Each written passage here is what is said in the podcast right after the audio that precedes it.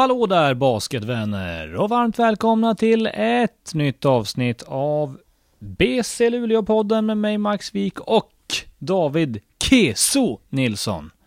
Hur mår du? Jag mår bra tack. Tack, tack, tack, tack. Alltså? Nej, det, jag, jag mår inte så bra. Jag är inte superladdad på att göra det här poddavsnittet faktiskt. Så jag, säga, jag kanske bara förstör det med flit så att det aldrig läggs ut. Så här låter det inför varje avsnitt. Ja men nu menar jag, det är lite som, ja, här. ja men nu menar jag det verkligen. Kan det ha att göra med någonting med en förlust igår? Ah, kanske har att göra med att hela livet känns som en jävla förlust. Nej, det kan väl ha lite att göra med det, jag vet inte. Ja, ah, ja kanske lite. Det är ju 19 SM-final, BG Luleå mot Alvik. Ni torskar med 8-10 poäng eller? Ja, något sånt. Det var, nej, det har inte så mycket att göra med den. Det var en hedersam förlust. Men jag vet inte. Jag känner att det finns andra saker jag vill göra just nu än att sitta och spela in podcast kanske. Vad då? Ligga hemma i sängen. Det är nog högst på listan. Eh, ligga hemma i soffan är nog tvåa på listan. Eh, sitta hemma framför datorn är nog trea på listan. Så där har du topp tre. Good for you man. Och som vanligt nu för tiden så har vi även med oss Tyrese. Praktikanten. Vad säger man? Praoelev. Andra avsnittet för dig, hur känns det? Ja, det känns väl helt okej. Okay. Min andra podd, eh, ja, jag ska försöka göra bättre än sist för... Vad tyckte du om din egen insats senast? Att jag pratar ganska, jag vet lite mycket. Men mina uttal var inte så tipptopp om man säger så. De var inte det bästa.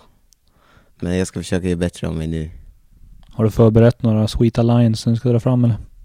Nej, jag försöker bara... Eh, alltså, jag försöker att andra ska höra min röst som jag hör den. Bra sagt. Han, eh, du kommer lite på känsla sen tror jag. Vi har massor att snacka om eh, Eh, i det här poddavsnittet. Det har spelats två matcher för BC Luleå sen sist. En vinst, en förlust. Eh, vi har chansen att gå till SM-final vid seger i tisdagens match borta. Och eh, ja, det har hänt en rad andra grejer och så ska vi såklart riva av en Kesos kanoner som vi alltid gör nu för tiden. Men vi börjar med eh, i torsdags då det spelas en olidligt spännande match i Täljehallen. Du och jag David, vi satt på Allstar i Luleå, sportbaren. Käkade lite quesadillas och eh, såg den där fighten. Vad tyckte du om den? Det känns som en livstid sen måste jag säga. Det känns jättelänge sen. Ja, eh, nej men det är som du säger, den var, den var spännande eh, som tusan. Eh, trodde ju verkligen att BC hade det. Eh, men, men så visade det sig ju inte vara fallet. Ehm, så, men vad ska man säga, det, det var alltså Adam Rönnqvist sa väl på presskonferensen någonting om att det var en eh, en rolig semifinal, alltså bra slutspelsbasket. Det var synd att lite fler folk inte hittade dit bara. Eh, jag är väl benägen att hålla med. Alltså det var en, det var en, en sjukt bra basketmatch. Det var roligt och det hände ju en del grejer som man kan diskutera då. Inte minst avgörandet. Austin Barnes eh, tippdunkar i avgörandet med bara en halv sekund kvar ungefär. Eh, vilket det blev stort ramaskri kring. Brandon Rosell sa att det där är inte poäng, eh, vad fan sa han? Någonting om att eh, det där döms bort i hela världen ungefär. Eh, men det blev poäng och eh, de vann matchen. Annars hade det blivit eh, förlängning. Ja, eh, och det där är väl det är inte så jävla lätt att lägga på domarna att de ska göra den bedömningen i, i realtid utan någon nå tillgång till, till repriser. Men men jag tycker när man kollar på reprisen att hade han som tippdunkat och hängt kvar, då känner jag att det är en sak. För att man har ju som rätt att hänga kvar i ringen. Om, du ty- alltså, om det är folk runt dig och det är skaderisk och grejer. Så jag tror inte argumentet är att han hänger i ringen överhuvudtaget. Däremot så tippdunkar han ju faktiskt inte. Utan han är ju som bara på bollen och sen hänger i ringen och sen går bollen upp i luften. Och om jag inte missminner mig så tar han till och med ringen på väg i. Eh, och och hade domarna fått gå fram och se repris på den så är jag tämligen säker att de inte hade dömt poäng. Eh, Så, men det är samtidigt, det är så att de ska göra den bedömningen i, i realtid och det går sjukt fort. Eh, och det är garanterat ett tiotal andra kontakter i samma sekund som man ska titta och bedöma och sådär. Så att jag har svårt att klandra domarna för det där, men däremot hade det varit kul med något systemliknande NBA kanske inte behöver utnyttjas lika mycket när de går och tittar på repriser fan varannan sekund. Men, men att ha tillgång till det skulle i alla fall vara bra. Jag, kan ju, jag är av den åsikten att man inte ens ska sätta sig i den situationen att det finns möjlighet för, om man ska kalla det för, domarna att avgöra matchen. Eh, det blir en bedömningsfråga där och, som ska, och en bedömning som ska göras snabbt om man vill peka med hela handen och så vidare. Och det är... Jag hade faktiskt ingenting att säga om det där när jag såg den. Det, kan, det kanske var poäng, det kanske inte var poäng. Men eh, det är långt innan dess som man förlorar matchen. Så har du sett den där Tai? Nej, tyvärr. Jag hade egen basketträning den tiden. Men jag såg den som vi hade igår mot Södertälje. Det var en väldigt bra match. Den var bra faktiskt. Vi ska stanna lite i torsdagen innan vi går vidare till den som spelades igår söndag. Vi spelar in det här under måndagen då ska sägas. Um, och uh, det som egentligen avgjorde matchen tycker jag då i Södertälje borta i torsdags, det var ju då när Tom Lidén fick först en lagfoul och sen drog han på sig en, eh, en teknisk foul för att han obstruerade. Och det blev tre straffkast för Tony Bisaccia, satte alla tre och sen gjorde han en layup efter det. Och där blev det ganska en mental uppförsbacke kan man ju säga. Ja, alltså det är väl, man, är, man håller med om att man inte ska sätta sig i situationer att det är barn som avgör, eller domarna som avgör. Eh, men, men sånt händer ju, men det var, det var klantigt den tekniska faulen. Eh, det vet nog Tom om också. Eh, där måste man som hålla sig lite grann i skinnet, lite som LeBron blev ju satt i den situationen i natt.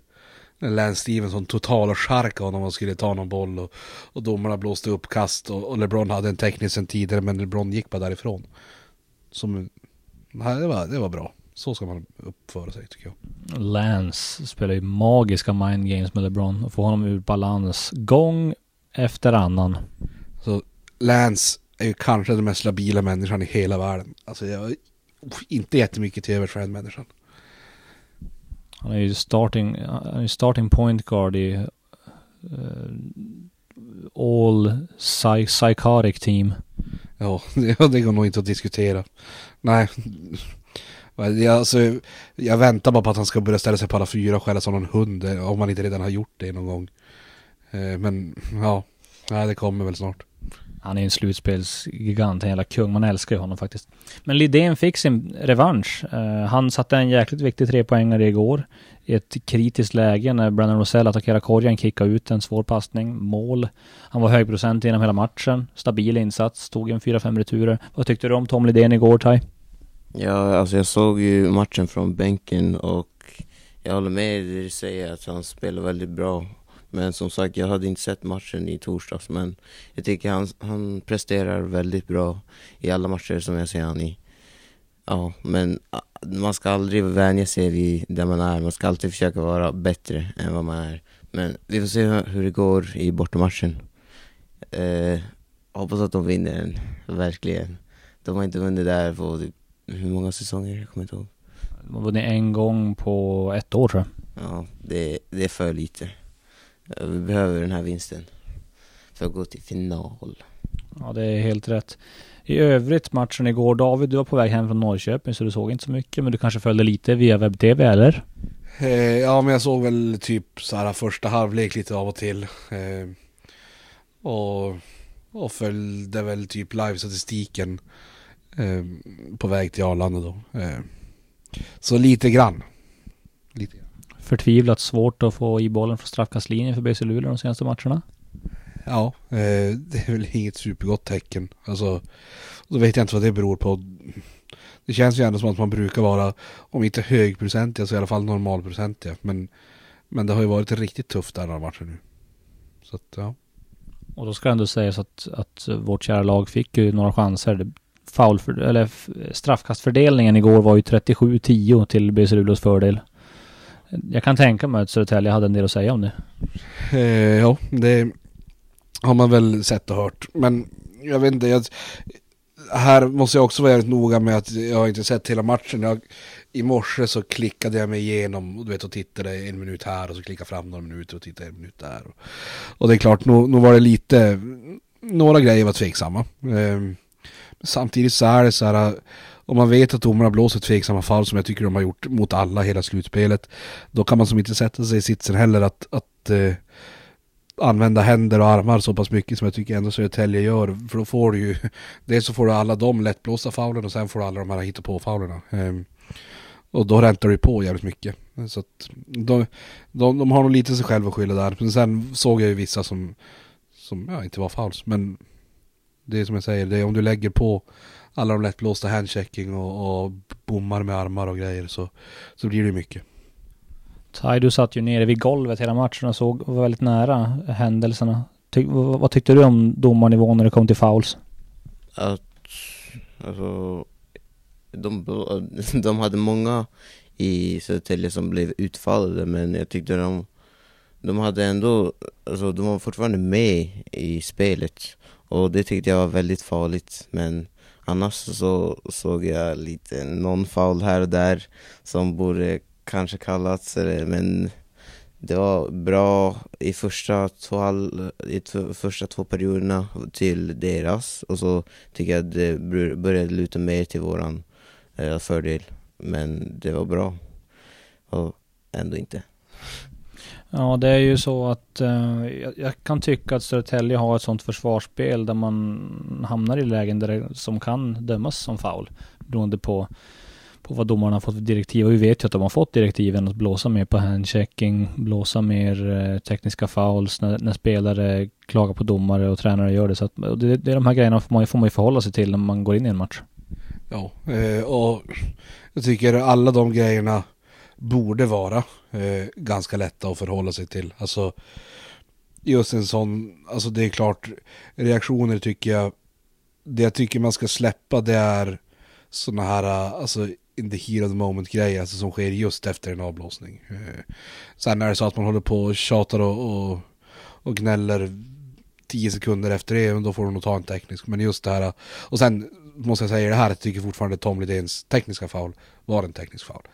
Eh, men jag tycker någon slags reaktion efter borde man få ha. Eh, men handchecking och sådana där grejer, speciellt för folk som har spelat utomlands och spelar i landslag, så här, alltså där, där tar ju domare fan allt sånt. Eh, det borde vara ganska lätt att anpassa sig till, nu är det ju svenska domare som inte är så alltid så heta på att blåsa grejer där när man är inne och pillar med händerna. Men, men nej, de borde kunna anpassa sig efter sånt, de är proffs. Tycker jag. Jag håller helt med dig där David. Och nu ska vi säga det, jag tror inte jag sa det, men jag läste på nsd.se ganska nyligt att Jocke Forsberg som är domarbas, domarchef på Svenska Basketbollförbundet, han eh, gick ju in och sa väl egentligen att Austin Barnes avgörande tipp, dunk, tipp, vad man nu ska kalla den, eh, att ja, den kanske inte borde, det var inte, den var tveksam liksom. Det var, alla kan ju fel typ. Att den borde inte ha, ha varit poäng kanske, men jag vet inte. Som sagt, jag, jag är fortfarande fast vid det där att, att det spelar inte så stor roll egentligen. För att, för att det var ju BC Luleå som satte sig i den där eh, jobbesitsen själva och ja, då får man nästan ta det där. Det är hemmaplan och, och hela den där biten också som de spelar in. Så att, eh, och, och Södertälje var laget som hade momentum och så vidare. Så att det där får man nästan ta. Ja, nej men det, så är det ju. Alltså, sen står jag ändå fast vid att det är tråkigt eh, när sådana där grejer som ändå blir hyfsat tydliga om domarna får titta på det en gång till i slow motion, eh, att det ska avgöra matcher. Eh, och speciellt när jag tycker det blir väl som inte en bedömningsfråga heller när det blir sådär utan det, det var ju, när man tittar på det i efterhand så tycker jag det är eh, goaltending. Så jag, jag, står fast vid att det hade varit bra för domarna att ha någonting som de kan utnyttja så här i slutet på matcher. Är det dags att skrota kommissarier och införa någon form av central eh, videogranskning som man har till exempel i NBA och SHL vet jag att de har ett, eh, ett videorum eller vad, vad de nu kallar det som, som granskar det där från från ehm, högre ort? Eh, ja, alltså varför inte? Det, det, tycker jag väl. Det är väl ingen jättekontroversiell åsikt i alla fall. Jag vet inte. Eh, jag vet inte riktigt så här sett utifrån vad, vad kommissarierna bidrar med. Eh, vi vet ju att det har blivit när, när BC tappade poäng förra året i Borås va? Eh, att man inte snappar upp det då som, som kommissarie och sådana där grejer. Så, nej, nog, nog finns det en vits i det. Jag tror man skulle ha mer att tjäna på en sån grej. Det tror jag. Det skulle kännas lite proffsigare också kanske. Nu blir det ganska mycket foulsnack här, men det har varit, några, det har varit situationer och det blir ju så här i ett slutspel att det är mycket hetta och känslor och det blir situationer där som, som kommer dömas som inte alla gillar. Och eh, en grej som Södertälje inte gillade igår, det var ju när Austin Barnes fick sin diskvalificerande foul. Han, eh, först en osportslig foul när, när Kearney, när han fastnade, de fastnade i varandra, han och Tim Kearney, när Tim Kearney har bollen på väg upp på snabbt uppspel. Sen efter det så blir han eh, rosenrasande för han tycker ju sig att det där var inte osportligt, det blir en teknisk och därmed diskvalificerande foul och det var ju ett ganska jobbigt läge för Södertälje. Jo, det var, det var tungt. Eh, man förstår ju lite grann eh, barns reaktion eh, på marken och så här. Det är, det är tveksam. Alltså, den är tveksam. Samtidigt är det så här. Eh, det är ganska lättdömt när han gör det precis framför en domare och om man ligger på golvet och man fäller krokben. Alltså nu krokben, nu låter det som att han sparkade ner Tim Kearney. Men han lyfte ändå benet och, och fällde Tim. Och han måste så vara smartare än att göra det rätt framför en domare. För det, det är lätt att lista ut att det kommer bli en osportslig i alla fall. Det är ju inte en vanlig foul. Eh, och bara en osportslig i det här läget hade ju varit tungt. Så att, nej, lite, där känner jag samma sak. Det är så man måste kunna, sådana grejer måste man kunna tygla sig ifrån lite grann. Det, både, det är ju ändå, det ger ju någonting när det är sådana situationer som i slutspelsmatcher. Det blir ju dom, alltså publiken reagerar ju verkligen och spelare reagerar, domarna reagerar eh, och, och tränare och, och hela faderullan. Så att, eh, och det blir ju folk, det blir upp, upprör känslor och grejer så att det är väl en del av slutspelet kan man tycka. Jo, eh, det är väl lite det som behövs kanske lite mer känslor och så. Eh, det det är väl kanske den varan som, som det brister på mest. Nu har ju Bryce gjort lite grann för att, för att rädda upp den situationen. Men, eh, nej men det tycker jag nog. Det, det, det finns ju en, en, bra sida av, av allt det där också. Så länge det hålls i schack och det tycker jag har gjort hittills. Det David syftar på är ju Bryce Massamba som har haft några riktigt eh, ja, kaxiga eller vad man ska kalla det, uttalanden i NSD. Vi behöver inte gå in på det på detalj där, utan ni kan gå in på nsd.se och leta upp det där så hittar ni säkert fram. Um, I vår lillebror-podd, uh, Basketpodden via Borås, uh, som Borås Basket gör, Magnus Stråle och Jonas Feldin, tror han heter. Uh, de snackade om en omröstning på Twitter Twitter som eh, Johannes Wåhlert från Svenska Basketbollförbundet gjorde som var, de löd ungefär något sånt här. Vem är den bästa klatschspelaren i ligan? Klatsch, alltså vem som kliver fram i avgörande sekvenser och levererar mest. Och jag tror att Nimrod Hilliard i Borås Basket vann den. Vet inte om jag håller med om det. Nej, det, men jag tycker, eller man har sett för lite av Nimrod Hilliard i sådana situationer för att kunna avgöra det, men men nej, jag, jag kommer ihåg att jag röstade på unge herr Brandon Rosell. Eh, och det kändes som ett ganska klart val för mig. Jag vet inte.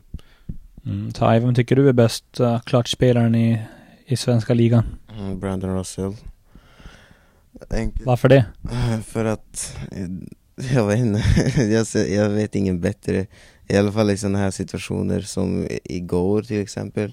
Då, då klev han då klev han eh, fram i fjärde kvarten. Eh, la de här tre straffkasten i rad och någon tre där. Och ja, vi, det kom ju till en vinst och det, det kan man väl se på Brandon att han kan göra sånt. Och jag vet ingen annan spelare som kan göra något sånt. Så ja, jag skulle ge det till Brandon. Han har ju haft några sådana där eh, avgörande skott, inte minst i slutspelet i fjol mot Södertälje Kings bortaplan. Enda matchen vi vann i Södertälje. Då var det Brandon som satte ett sista sekundens skott så det blev eh, overtime och sen vann, vann de. Det var en finalmatch. Under säsongen satte han ju en trepoängare i hörnen nere i Nässjö också som tog den till overtime och så vidare. Gång efter gång efter gång har han gjort det där. Men jag skulle ju inte mm, överklaga om Tony Bisaccia vann det heller kanske. Nej, jag tycker det känns som är det, är det en topp tre man ska göra utan inbördes ordning nu så är det ju Bisaccia, Rosell och Sigurdsson kanske. Eh, skulle jag säga. Ja, Sigurdsson är ju faktiskt där uppe. Han har ju också, hur många, hur många gånger har man inte sett honom skjuta i eh, skott eh, ja, i Luleå Energi Arena och i sporthallen i Sundsvall och överallt som har, som har eh, varit direkt avgörande för matchens utgång. Ja, det är, man får lite PTSD när han har bollen i händerna sista, sista minuten. Så att, Nu måste du förklara det. vad PTSD är? Posttraumatiskt stresssyndrom. Eh, ja, behöver jag gå in på mer detaljer eller? Nej. Nej, vad bra, för jag kan inte så mycket mer. Då duckar jag för en jävla kula. Bold move, men du klarar det bra där. Så att eh, rätt svar är Brandon Rosell eller Bisaccia, tveklöst. Eller Sigurdsson. Ja, någon av de tre. Inte Nimrod Hilliard i alla fall. Inget ont om honom, säkert jättetrevlig kille och så vidare. Äter mycket hamburgare vad jag förstått. Ehm, nu är det dags för vår enda, vårt enda segment, den enda programpunkten vi har i den här podden, BC Luleå-podden. Så vi rullar introt för Kesos kanoner. Jesus kanoner du.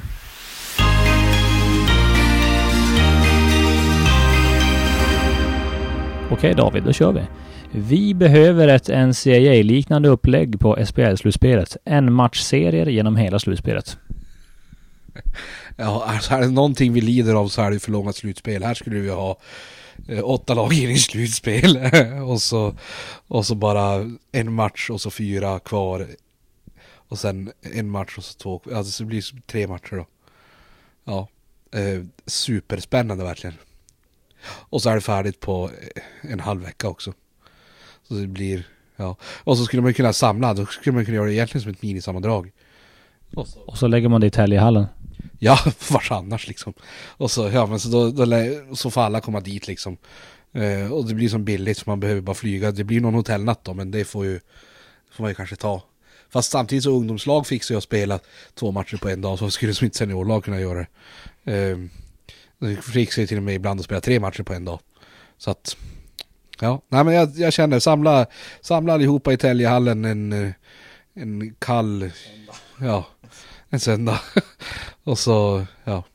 Men det måste börja tio, alltså, eller ja, det är svårt att få ihop det på en dag för att sista flyget hem går ju typ 21.50. Så att det är ju tajt då. Men då kanske förbundet kan stå för hotell eller någonting åt något lag. Ja, men det, det är en bra idé David. Kul att du tar upp den. 800 personer är ändå en ganska lagom publiksiffra i semifinal. Ja, alltså man vill ju som ändå inte att det ska låta för mycket i hallen. Eh, är det någonting man stör sig på så är det ju folk som skriker.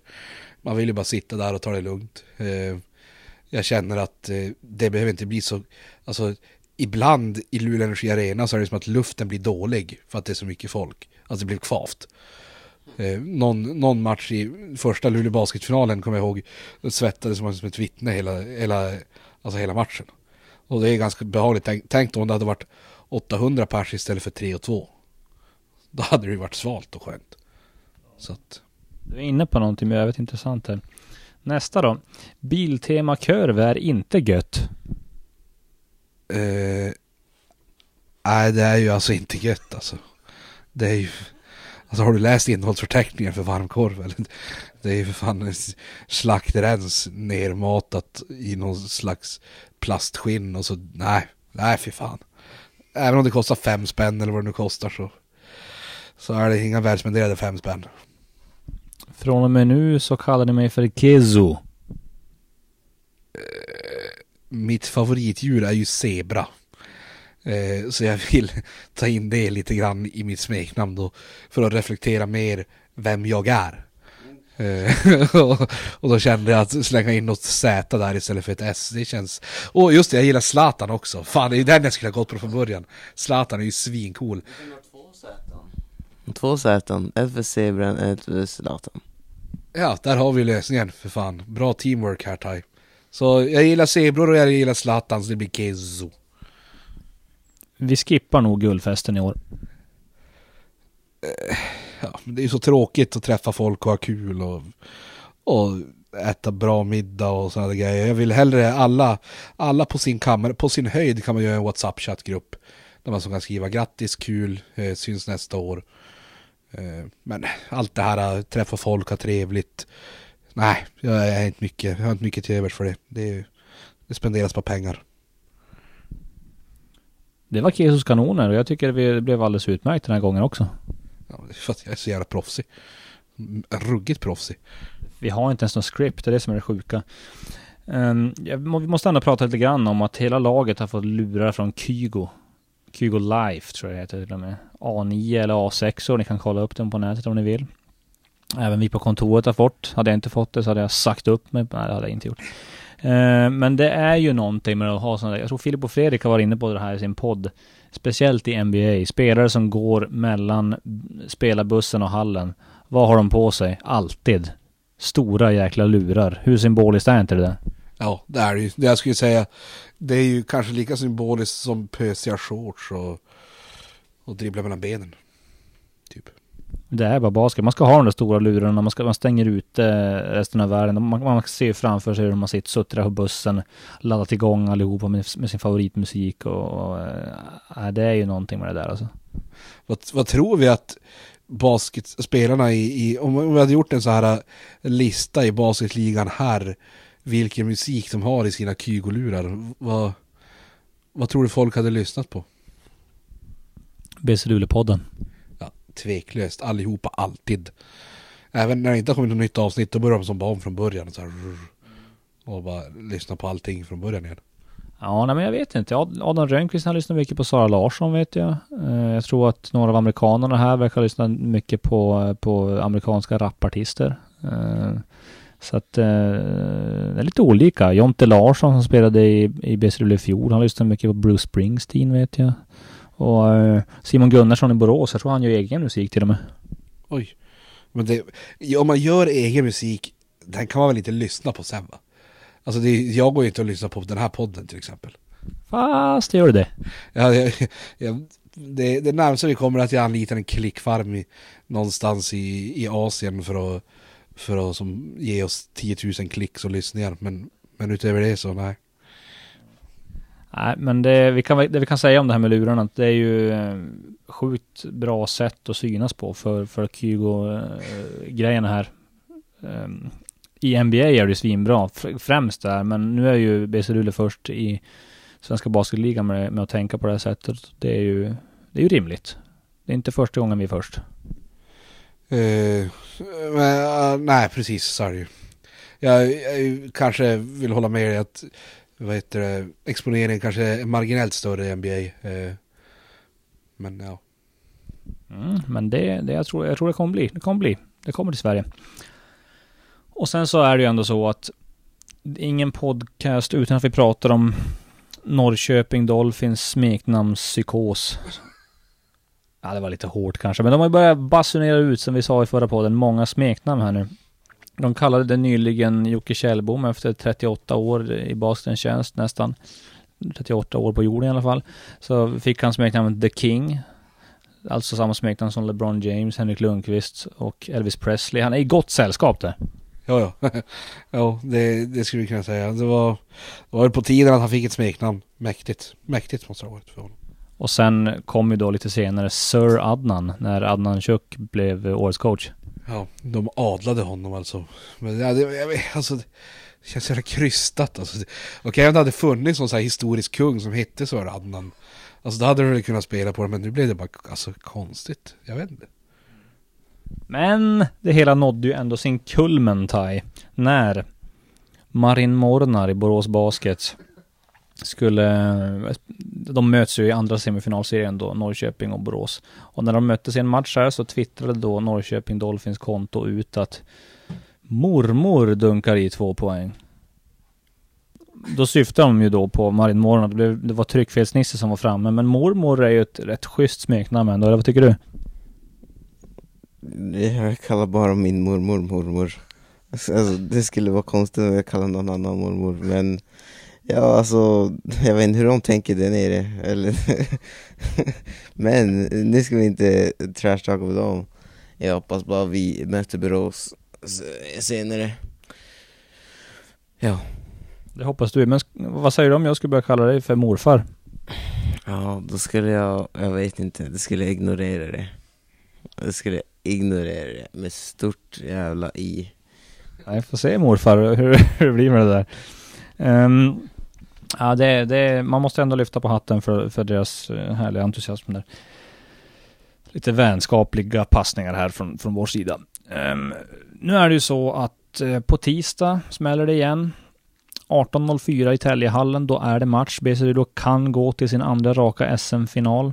Um, ehm, vad tror du chanserna till det är, Tai? Ja, alltså som jag sett dem spela nu så det är en ganska stor chans. Bara vi håller den höga energin som vi har haft i den här hallen till Södertälje så kommer det gå jättebra. Jag har sett hur Peter och Håkan gått igenom eh, lite video från sist och ja, vi ska försöka förbereda oss mycket bättre än vad vi gjorde nu. Och lägga straffar. Men bättre. Eh, inte börja lägga straffar i de sista två kvarterna. Men ja, jag tror att det kommer gå bra. Vi kör på att vi sätter straffar i alla fyra perioder. Det tycker jag är det säkraste sättet att göra det här på. David, vad tror du blir nycklarna till seger nu då? Eh, efter att ha sett eh, fem semifinalmatcher så har vi semifinal sex nu. Vad, skulle, vad pekar du på för, för nycklar till att vinna? Ja, alltså sätta straffarna är en stor del av det. Eh, oj, oj, oj.